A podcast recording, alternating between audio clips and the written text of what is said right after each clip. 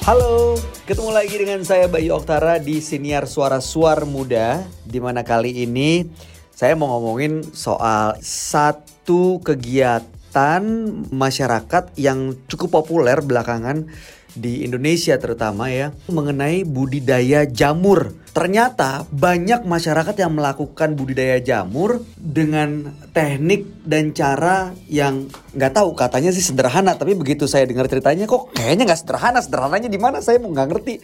Tapi yang jelas ini cukup menghasilkan dan dinikmati oleh banyak orang. Bahkan pemerintah pemerintah daerah terutama juga mendukung para pelaku budidaya jamur ini Wah, ini kan seru banget ya kalau kita bisa melakukan ini di tempat kita dan juga bisa mendukung saudara saudara-saudara yang melakukan budidaya jamur. Bisnis ini akan menjadi lebih besar lagi bahkan bisa diekspor ke mancanegara lebih luas lagi karena saya yakin udah ada juga yang melakukan ekspor ini ke luar negeri dan dengan adanya teknologi pastinya pasar juga semakin menjanjikan nih untuk bisnis jamur ini.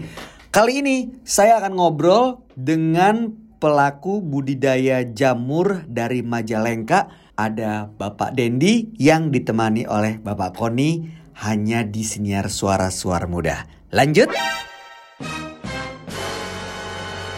Halo Pak Dendi, apa kabar Pak? Alhamdulillah baik. Pertama kali budidaya jamur itu tahun 2008 di Majalengka katanya tepatnya di bulan Juli 2008. Waktu itu yang pertama kali memberikan ide mengenai budidaya jamur ini siapa? Saya sendiri uh, lupa lupa ingat siapa ya. Yang jelas saya sama sekali tidak ada kaitannya. Saya background pendidikan saya itu di informatika malah. Oh, soal IT nggak ada hubungannya sama jamur loh pak. Ya, Gimana kepikiran untuk akhirnya malah budidaya jamur pak Dendi? Makanya kenapa saya ceritakan dulu dari informatika ada kaitannya dengan pertanyaan awalnya dari mana gitu. Mm -hmm. uh, kalau saya kok selalu berpikir bahwa saya memang serius ingin wirausaha mm-hmm. waktu itu. Tapi kok saya nggak tertarik dengan ide teman-teman yang kalau melihat wirausaha itu banyak yang menjadi follower. Okay. Artinya gini, ketika orang banyak yang buka warnet atau maaf saya sebutkan buka warnet atau uh-uh. usaha yang berkaitan dengan yang lain itu banyak yang waktu itu lagi boom booming gitu ya. Mm-hmm. Tapi kalau saya pribadi kok selalu melihat uh, yang ketika orang menilai bahwa ini tidak prospektif, mm-hmm. justru akan jadi sangat prospektif Kenapa? Hmm. Karena pemainnya akan jadi sedikit. Hmm. Nah, kenapa kepikiran di jamur? Ngelihat dari mana tuh sebenarnya? Ah, apa jangan-jangan ngelihat orang pakai payung kok kayak jamur? Aha, bikin jamur nih. Atau bagaimana? Jamurnya jamur tiram kan ya? Jamur tiram. Ah, iya. jamur iya. jenis jamur kayu. Saya pernah lewat ke Lembang gitu ya daerah ah. Bandung gitu. Ah, ah. Saya lihat okay. ada satu wadah yang bisa tumbuh jamur. Kebetulan waktu itu ada salah satu teman yang di salah satu perguruan tinggi di Bandung yang hmm. lagi PKL magang saya ajak kamu ke sana. Hmm. oh ini namanya jamur tiram. Itu tahun 2004 hmm. 2004 2004 itu saya langsung berpikiran bisnis lah. Oh ini hmm. kalau dikembangkan di Bandung bisa jadi luar biasa. Akhirnya ide itu dibawa pulang ke Majalengka? Saya pending dulu mas. Oh gitu. Saya pending sampai 2008 oh. itu kan 2004 saya pending 2008 uh, di 2006 mulai kepikiran lagi. Uh -uh tapi saya perhatikan selama 2004 sampai 2006 saya perhatikan ada juga petani jamur yang sudah berjalan di Majalengka jamur tiram dalam hal ini. Tapi kenapa kok baru enam bulan udah banyak yang udahan? Satu tahun tidak lanjut setahun okay. setengah tidak lanjut lagi itu kenapa nah dari situ saya mulai perhatikan, saya analisa dalam bahasa saya sendiri, saya riset mm -hmm. sendiri. Ada beberapa faktor yang memang harus dipahami untuk budidaya di sini. Selama dua tahun saya pelajari itu, akhirnya 2008 mm -hmm. saya siap. Ketemu ada kalau di kuadran itu empat kuadran atau empat blok uh -huh. itu. Jadi untuk jadi petani jamur itu kita harus memahami empat kotak. Mm -hmm. Yang pertama itu mengenai bibitnya. Oke. Okay. Bibitnya itu dari mulai pembuatan kultur jaringan dari nol sampai media tanam. Mm -hmm. Berikutnya lagi itu di posisi grower pertaniannya, mm -hmm. penumbuhan jamurnya. Yang ketiga itu di posisi buat pemasarannya, bandar atau pengepulnya. Oke. Okay. Yang keempat itu di pasca panen di olahannya olahan jamur olahan tadi. Jamurnya. Jadi ketika hmm. empat ini kita sudah memahami, insya Allah itu akan jadi satu kesatuan yang utuh. Artinya gini, kita paham di growernya tapi tidak bisa mencari atau menilai bibit mana yang bagus, kita tidak akan bisa maksimal. Kita maksimal di growernya atau hmm. di pertanian, tapi kita tidak paham untuk penjualannya, hmm. susah juga yang namanya jamur kan susah disimpan lama.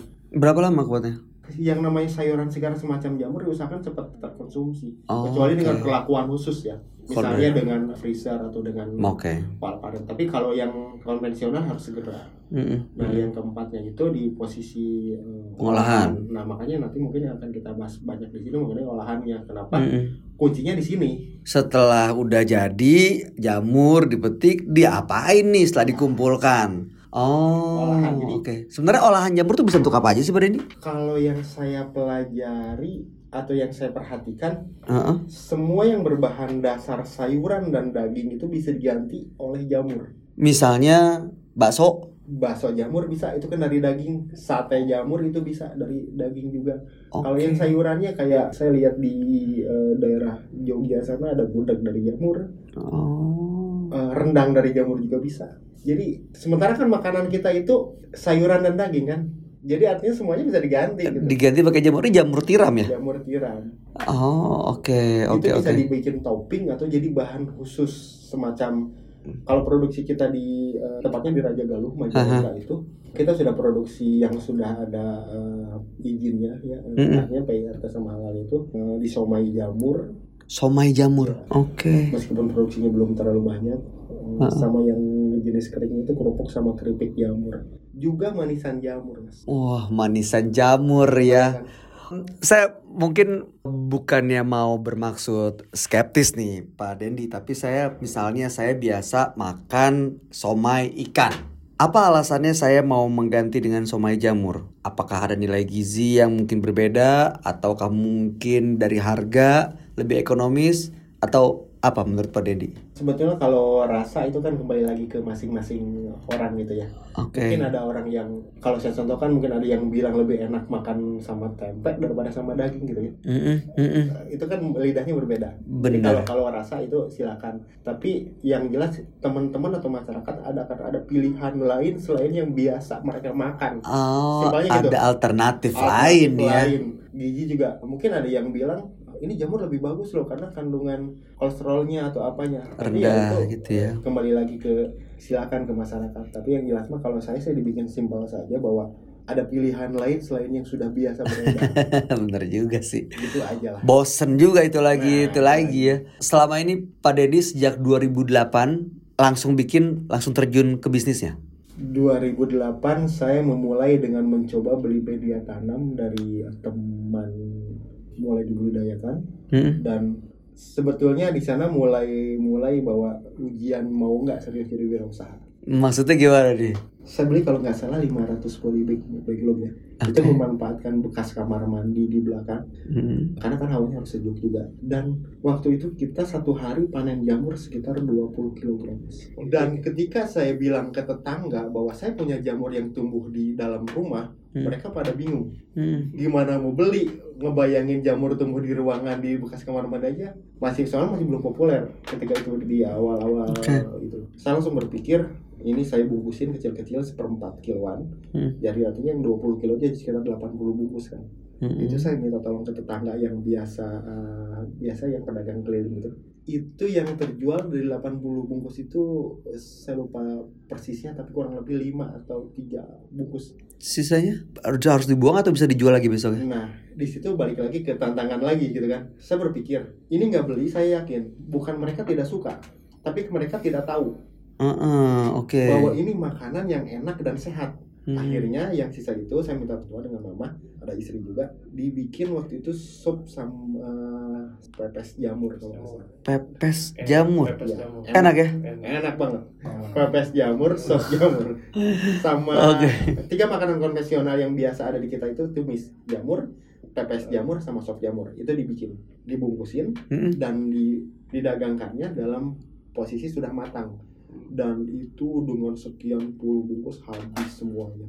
Oh, lebih laku dibanding Laku waktu semua. belum diolah. Ya, Oh. karena, karena saya berpikir bahwa mereka nggak beli bukan nggak suka, tapi nggak tahu. Nggak ngerti. Nggak ngerti. Ini mau diapain? Beli jamur terus Hmm. gimana cara ngolahnya? Oh, gitu. Terus Singkatnya, semakin semangat, berkembang, berkembang, berkembang. Saya ingin terus berkembang, mengembangkan selain usaha juga diri sendiri gitu ya. Hmm. Mengikuti beberapa kompetisi juga. Jadi beberapa kali jadi wirausaha terbaik di level kabupaten sama provinsi juga di sana banyak jaringan jaringan yang akhirnya mm-hmm. yang tadi diungkapkan oleh Mas Boy itu ya saya punya kesempatan menjadi uh, pendamping wirausaha saya oh. menjadi uh, mentor untuk pelatihan saya menjadi narasumber itu awalnya dari situ semuanya wah mantap dan alhamdulillah mungkin bukan bermaksud uh, berlebihan uh-uh. agar menjadi motivasi buat teman-teman yang lain untuk siap menjadi petani gitu ya. Uh-huh. Dengan bertani jamur saya punya kesempatan berkeliling ke beberapa provinsi atau pulau di Indonesia. Mantap. Saya pernah ke Sambas, ke Kalimantan ya. Oke oke oke. juga itu ke Bali, ke Palembang dalam rangka tugas untuk untuk uh, ya di bidang wirausaha. Dengan background saya yang berasal dari petani jamur. Wah luar biasa nih. Pak Denny, saya mau nanya, jamur itu bisa tumbuh cuma di kamar mandi atau, atau bisa di mana aja sih sebenarnya? Ke di kamar mandi kan berarti kan kaitannya dengan suhu gitu ya. Uh-uh. Jamur tiram ini kalau secara alami habitat tumbuhnya itu di daerah perkebunan atau hutan. Oke. Okay. Yang, yang suhunya lebih rendah, kelembaban mm -hmm. tinggi. Tapi yang namanya budidaya itu kan gimana caranya mereka dipindahkan ke lingkungan yang lain. Mm -hmm. Misalnya ke daerah kota pun, artinya kota ada bangunan di tengah perumahan pun itu bisa mungkin asal mm-hmm. si kondisi ruangnya itu kurang lebih mendekati yang tadi diinginkan oleh si jamur ini gitu. Mm-hmm. Jadi banyak yang daerah yang pesisir panas pun kalau saya sebutkan ada Indramayu, Cirebon yang suhunya luar biasa, pinggir pantai masih panas gitu ya. Itu gimana tuh? Tetap bisa tumbuh. Meskipun secara produktivitas dia lebih rendah tapi tumbuh masih dengan bagus dan banyak petani di sana. Eh, media tanamnya itu apa? Polybag itu apa isinya? Isinya serbuk kayu. Oh. Limbah okay. kayu. Itu serbuk kayu. Uh -uh.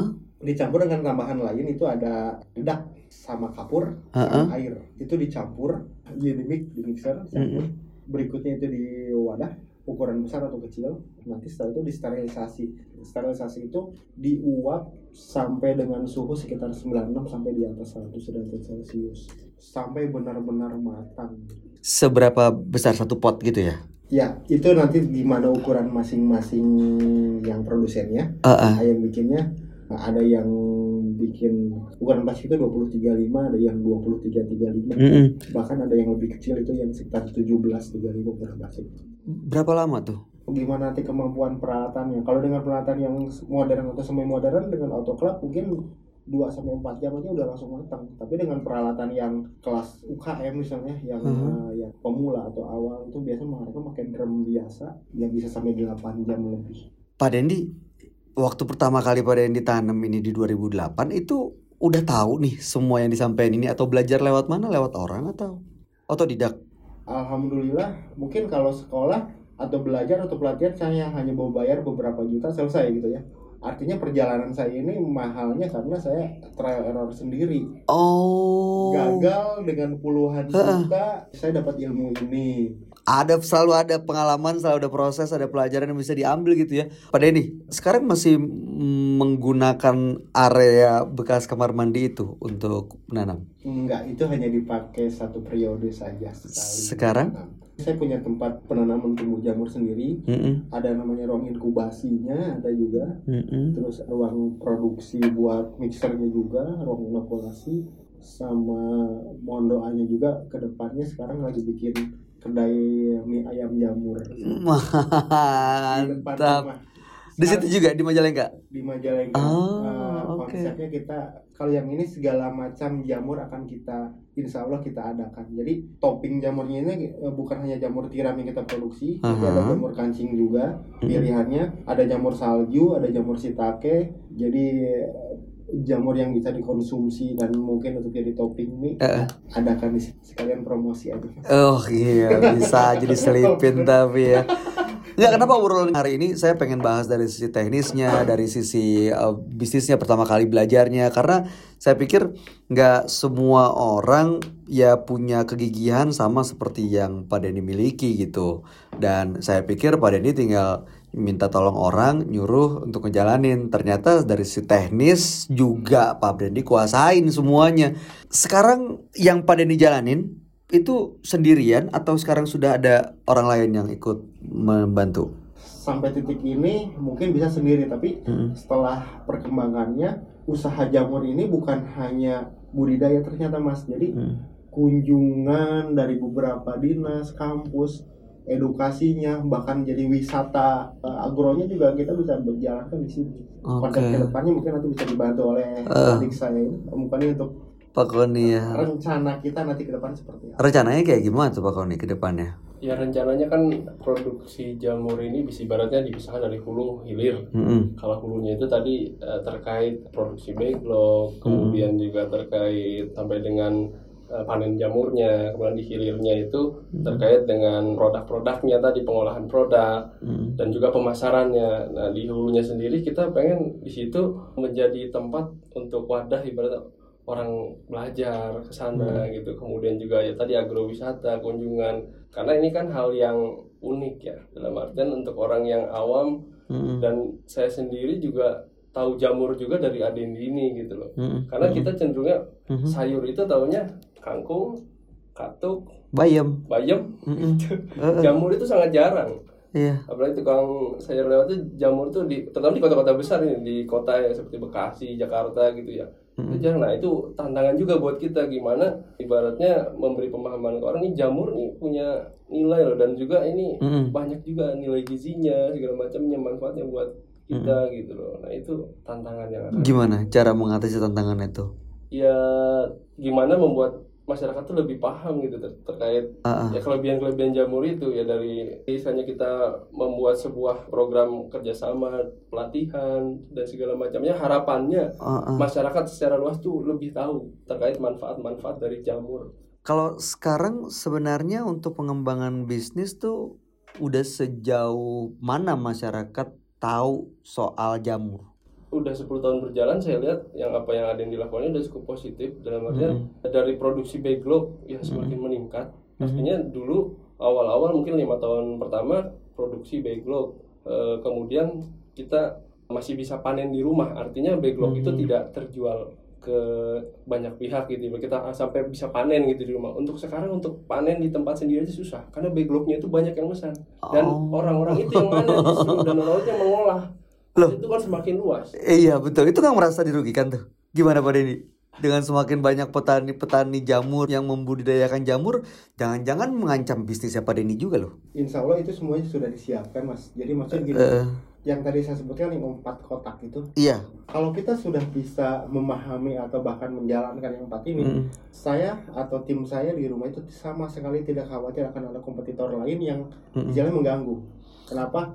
Ketika nanti overload panen kita nggak masalah. Olahan kita siap kok. Jadi ada ekosistem yang dibangun ya, ya. dibangun. Olahannya hmm. bisa diproduksi Bahkan, juga. uh, untuk mengenalkan jamur dengan budget sendiri misalnya ke suatu daerah yang belum tahu jamur uh -huh. itu mungkin butuh budget yang besar. Betul. Saya harus bangun saung di sana yang nggak sedikit biayanya. Saya harus bayar orang yang nunggunya saya harus bayar orang yang jual. Tapi ketika saya masuk ke daerah tertentu misalnya mengedukasi tentang jamur ada yang tertarik bikin kumbung jamur sendiri hmm. terus dia budidaya sendiri background kita supply dulu hmm. kalau dia ternyata bertahan lama di usaha jamur alhamdulillah berarti memang sudah ada pasaran bisa berjalan kalau misalnya dia ternyata tidak bisa bertahan atau artinya mungkin merasa tidak cocok di usaha ini konsumen yang ditinggalkan itu akan mencari jamur ke mana pasti ke yang masih jalan salah satunya saya kan? Iya iya iya iya benar benar benar jadi sama sekali nggak jadi masalah begitu. nggak ada masalah ya kalaupun banyak orang yang semakin melakukan budidaya jamur orang jadi semakin mengerti akan jamur ini sebenarnya dibudidayakan dengan cara apa dan pengolahannya bisa jadi apa. Nah Pak Dendi juga kerjasama dengan Narasa. Nah ini kerjasamanya seperti apa sih bentuknya? Dari sisi kemasan gitu ya awalnya kan kita bicara tentang kemasan ke ke produk tadinya saya pikir kayak dibantu sana di di wilayah sana saja tapi ternyata tim ini udah menyiapkan sesuatu yang lebih surprise lagi sampai ke lingkup yang lebih besar lagi gitu ya. Mm-hmm. Uh, kemasan keripik saya cuma standing pot yang transparan, mm-hmm. ditambah stiker. Oke. Okay.